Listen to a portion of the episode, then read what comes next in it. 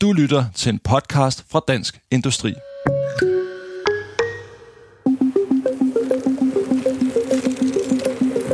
Det er en øh, rockhold januardag. Der er is på vandet og sne over det hele.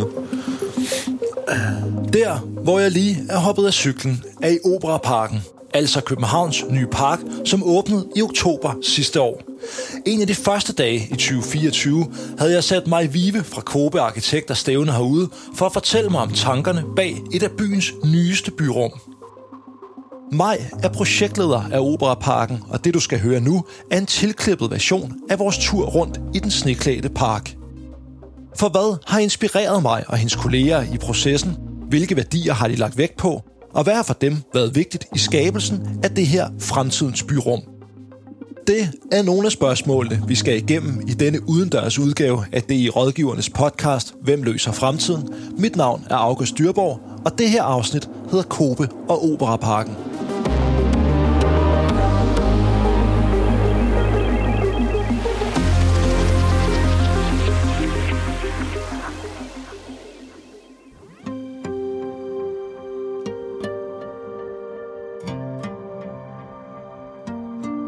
Men inden vi begynder gåturen, starter vi indendørs i den bebyggede del i centrum af parken, kaldet Væksthuset. Med en forklaring af, hvorfor Maj Vive blev landskabsarkitekt.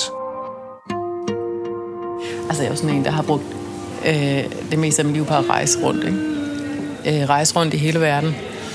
Og været på rigtig mange vandreture, og været i naturen i det hele taget. Og så det med, at jeg flyttede til København, og ligesom bare her i byen, så havde jeg jo et stort savn til, til naturen. Og så oveni min store interesse for træer, beplantning og øh, alle slags planter, så månede det ligesom ud i, at landskabsarkitekturen ville være det rigtige for mig, fordi så kunne jeg få lov til at, at, at skabe nogle af de her øh, landskaber, som jeg synes, øh, vi mangler i byen. Og den store interesse og forbindelse til naturen er noget, som kan føres tilbage til Majs barndom. Jeg vokset op på Sydfyn, langt ude i skoven. langt ude på landet, ja det er jeg. Så jeg tror, at, at træer og skov, det har altid været en stor del af mit liv. Og jeg har, øh, øh, jeg har været ude i skoven hver dag, da jeg var barn, hele min opvækst. Jeg har en meget stor kærlighed til naturen. En stor kærlighed til hele den ro, som landskab og naturen kan give os. Og jeg øh, synes, det giver rigtig god mening for mig at bruge mit liv på at få plantet en masse træer ind i byen og lavet en masse smukke landskaber, som, øh, kan bidrage til øh, folks glæde og livskvalitet. Og med det på plads bevæger vi os nu lydligt udendørs til starten på vores rundtur i parken. Jeg tænker lidt, om vi skal gå i kælderen, faktisk. Ja, ja. Jamen det, lad os gøre det. Ja. Det er cool. Så vi starter vores tur her ved indgangen til parkeringskælderen.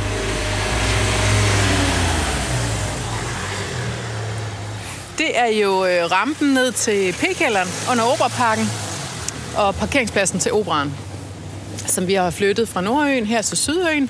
Øh, og den ligger i øh, to etager under jorden.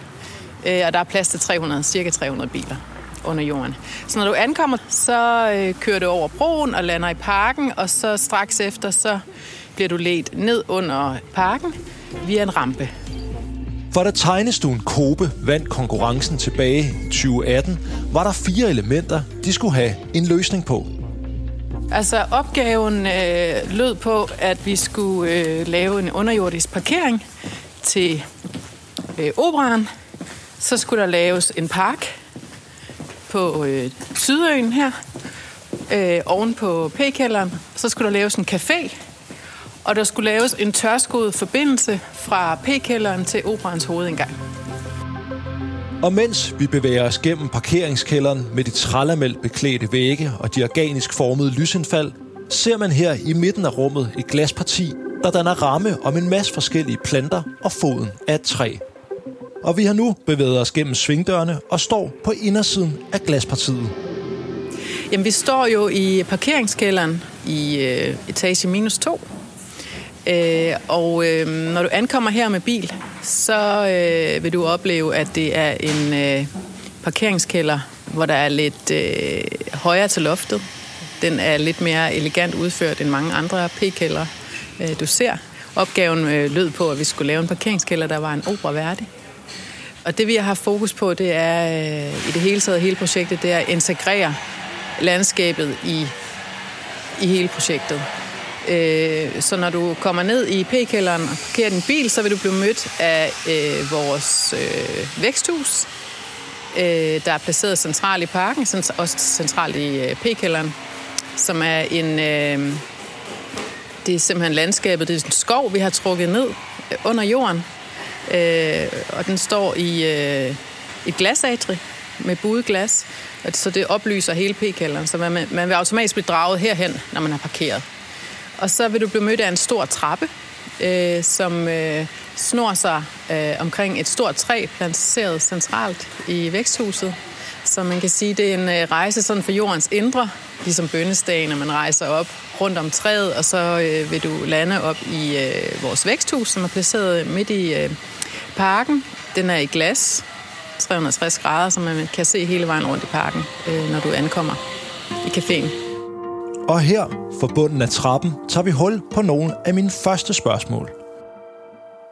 Hvordan er det, jeg tænker, det der med, og det er jo, det er jo sådan et øh, sådan et klassisk spørgsmål til, til arkitekter på en eller anden måde. Det der med, når man sidder og starter med skitser, tegninger, computer, det der med ligesom at have tegnet noget, og så nu kunne gå rundt i det.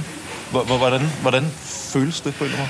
Jamen, det, det er jo en følelse af lykke. Det er jo det, der har været målet hele tiden. Ikke? Man, man, man, øh, man skaber noget, at man forestiller sig noget, og man arbejder på det i rigtig lang tid. Og når det så står her og er færdigt, og folk indtager det, og man kan se, at folk er glade for det, så bliver det næsten ikke større. Det er jo hele målet med, med at skabe de her landskaber og arkitektur. Det var også en øh, øh meget, meget stor dag for mig, da projektet åbning på åbningsdagen. Vi har haft super travlt øh, med at gøre klar til åbningen i meget lang tid. Øh, så da jeg endelig øh, stod her, og folk strømmede ind, og man, man øh, kunne se, at øh, folk var, var glade og begejstrede, øh, jeg blev faktisk rørt. Jeg blev faktisk virkelig rørt. Man er også meget, øh, på en eller anden måde, også lidt sårbar i den her situation, fordi man giver jo øh, noget af sig selv. Man har gjort det bedste, man kunne, og man har øh, øh, skabt noget, som man mener er rigtigt for det her sted. Så det, man sætter sig også selv helt ud på kanten ved ligesom at eksponere sig selv øh, med at skabe et værk som det her. Og selve lokationen for parken har også i Maj Vives udlægning i sig selv haft en stor betydning gennem hele processen.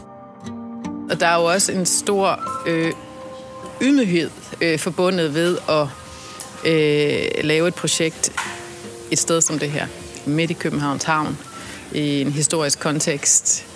Og bare det at lave en ny park til København, det er jo ikke hver dag, man får lov til det. Altså, der er et meget stort ansvar forbundet med at påtage sig en opgave som det her. Altså, man skal være meget øh, omhyggelig og nænsom, men øh, samtidig også lidt modig for at øh, turde stå frem og lave det, som man mener er det helt rigtige på det her sted. For der vil altid være mange holdninger og meninger om, hvad der skal ske på en lokation som den her. Så det er noget med at have is i maven og stole på øh, sine fornemmelser for, hvad der er det rigtige at gøre her. Jeg tænker, i sådan en proces her, er det også en proces, hvor at, altså, sådan, man har tvivlen som sin, sin gode følgesvend? Jo, det er rigtigt. Men jeg synes, vi har øh, ret hurtigt fundet den retning og vinkel, vi gerne vil have på projektet, og vi har faktisk formået at tage den hele vejen igennem hele vejen igennem processen og se udførelsen. Så det er en meget stor tilfredsstillelse, og jeg bliver faktisk lykkelig hver gang, jeg går ind i Europaparken. Jeg bliver faktisk virkelig glad. Ja, det er nok et af de største projekter, jeg har været med til nogensinde. Øh, det synes jeg. Og efter de her beskrivelser af selve processen, bevæger vi os nu op ad den snoede trappe igennem væksthuset og ud i selve parken. De her glaspartier, der er ja. rundt omkring, Altså, er det sådan helt rigtig glas, eller er det sådan... Det er helt rigtig glas. Ja? Det er buet glas, og det er bærende glas. Så det er også derfor, at øh, der ikke er nogen søjler. Øh, eller andre konstruktioner til at bære taget. Så det ligger simpelthen og svæver på de her glasfacader. Ja. Her går vi ud af væksthuset og bevæger os gennem parken ned mod vandet. Nå, ja, selvfølgelig. Lige nu står vi helt ude ved, ved kajkanten øh, til Københavns Havn. Vi har operan på den ene side, og vi har papirøen på den anden side. Den her del, vi står på, det er en øh, udvidelse af øen, som vi har lavet i forbindelse med, at vi lavede projektet. Og den består af et stort terrasseret trappeanlæg, som folder sig ud i Københavns Havn og øh, ned, så man faktisk kan sætte sig på kanten og have fødderne i vandet her.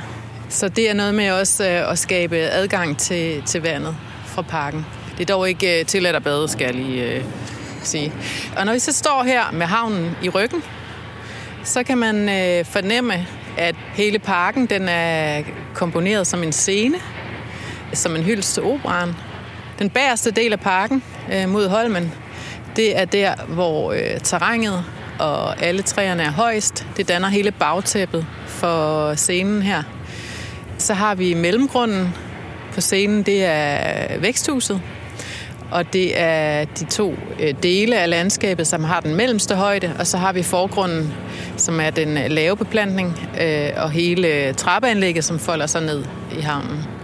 Og selve parken består af seks haver. Vi har også taget udgangspunkt i hele sådan den øh, historiske kontekst her med alle de her skibe, der er kommet ind i tidens løb i Københavns Havn sikkert med frø fra hele verden, så hele beplantningen er, tager udgangspunkt i frø fra hele verden, kan man sige. Så, så vi har en øh, nordamerikansk skov, og vi har en dansk egeskov, og en, en øh, orientalsk skov, og en nordisk skov, og så har vi også en engelsk have, som er den, der er fortæller, som er forgrunden i vores scene. En central pointe, når man arbejder som landskabsarkitekt, er, at det, man har med at gøre, er levende, og det altså falmer og blomstrer i takt med de skiftende årstider.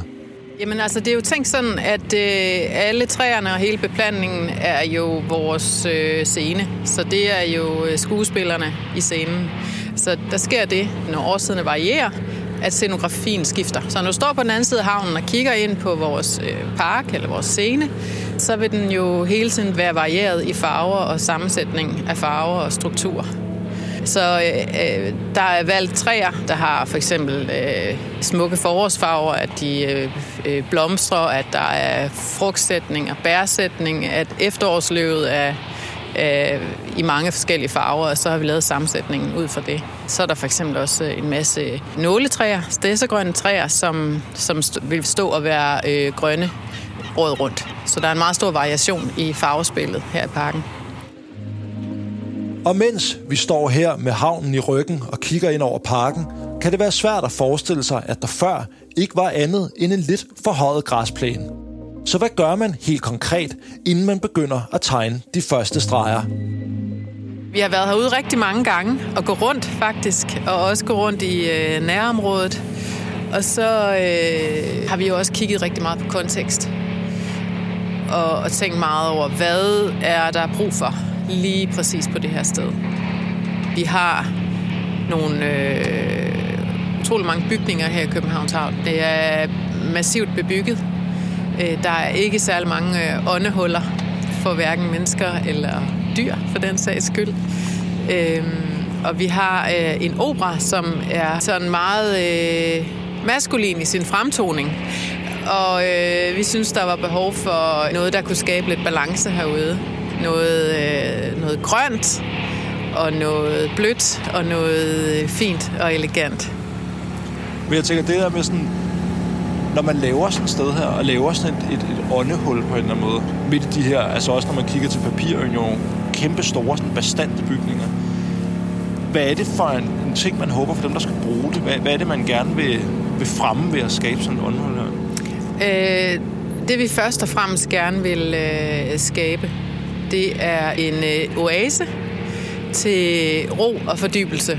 Det er samtidig øh, et sted, hvor du kan gå på oplevelse, og det er også her, du starter din rejse, inden du går ind til en forestilling i operan. Så man kan sige, det her poesien og magien starter. Øh, så Operaparken er er et sted, hvor når du kommer ind, så øh, kan du øh, tage farten ned.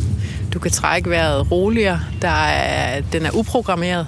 Der er ikke så meget, du skal. Du kan tage en øh, direkte og lidt hurtigere rute gennem parken, eller du kan træde ind i en af haverne og gå på oplevelse og øh, undersøge, hvad der er rundt om hjørnerne. Alle stier er organiske øh, slyngede her i Oberparken, så man, øh, når du træder ind i en have, så vil du blive øh, ledt rundt via de her slyngede stier, og du kan gå på opdagelse og ligesom kigge efter, hvad der er rundt om det næste hjørne.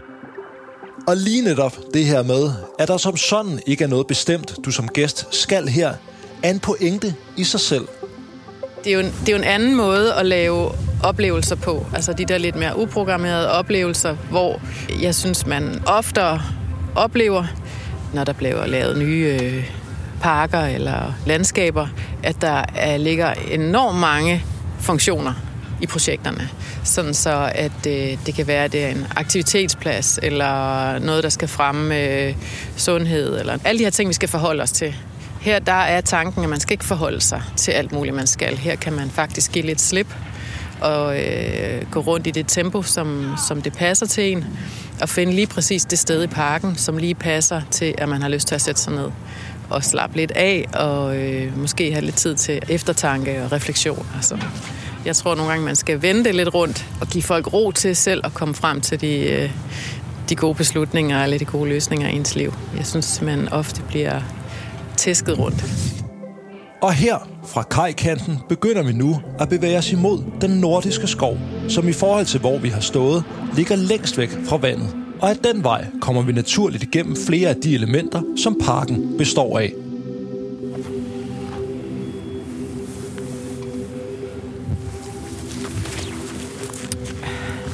Nå, men så går vi jo her fra øh, vores øh, trappeanlæg ved kajkanten. Så går vi op trapperne og ind i øh, den øh, øh, engelske have, som ligger her som forgrund til parken. Her der er beplantningen lav. Det er sådan en klassisk stavtehave, som man ser i de engelske have.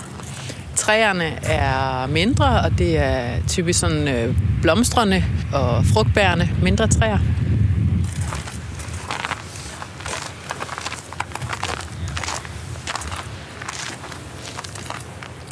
Man kan sige, at alle de brede øh, hovedstier, de er i granit, ligesom belægningen også er over ved operan. Så øh, de hænger sammen med det samme samlende tæppe. Og inde i alle haverne, der har vi øh, grusstier. Så det betyder også, at når du træder ind i haverne, så vil stierne blive smallere, og belægningen vil ændre sig til grus. Og man vil sådan naturligt tage farten lidt af, fordi teksturen og lyden vil sådan ændre sig lidt. Og grussammensætningen er jo af granitmateriale, der ligesom matcher farven ude på de store hovedstier. Så, så det tæppe hænger også lidt sammen på den måde.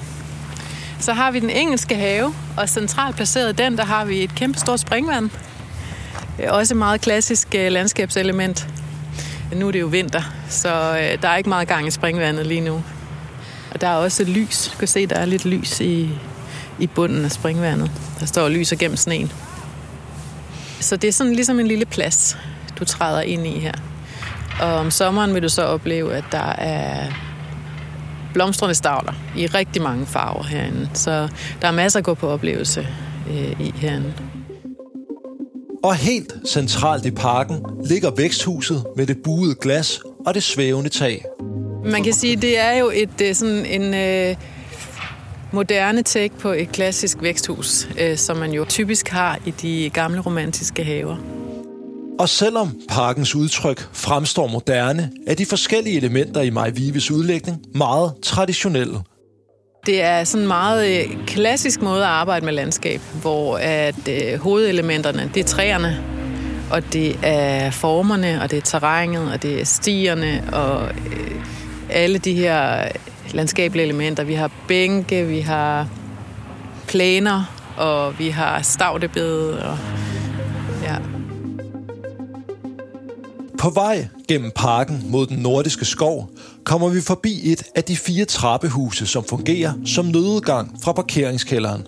De er ligesom væggene i kælderen beklædt med trælameller, og det her med, at det er de samme materialer og mønstre, der går igen, er helt centralt. Altså det giver rigtig meget ro, at der er en helhed i det, og man ikke skal forholde sig til utrolig mange forskellige former og materialer og teksturer. Og det er jo også det, der er så fantastisk at have øh, siddet på en tegnestue, hvor man arbejder så tæt sammen med de andre fag med arkitekterne. Så har man jo mulighed for at samtænke og indtænke alle de her koncepter og materiale beslutninger tidligt og samlet. Det gør jo, at man kan opnå den her sammensmeltning øh, af landskab og bygning og af hele arkitekturen og oplevelsen øh, herude. Og her er vi nu nået frem til Majs yndlingssted i parken. Jamen, vi er i den nordiske skov, og som du også kan se her, så er træerne er jo meget store. Øh, de er jo større, end hvad man typisk vil se, når man laver sådan et øh, nyt landskab. Det har været et ønske og et valg, at den her scene og parken skulle øh, stå færdig ved åbning. Og det, det gør så, at man må, man må købe nogle meget store træer. Så det har, det har vi gjort. Så, så du vil allerede opleve nu, at du står i en skov. Tror, at de her birketræer, nogle af de største, var 11 meter, da vi plantede dem. Og hvis vi lige opholder os ved træerne en gang, er det også et ret interessant eksempel på detaljeringsgraden i arbejdet med at skabe et sted som Operaparken. Vi har siddet mange, der har diskuteret og blevet enige om plantevalg, for eksempel. Og så har vi skulle øh, finde træer, der passer vores koncept med træer fra hele verden. Så det har selvfølgelig krævet lidt tid at forske lidt i, hvilke træer vi skulle have herude.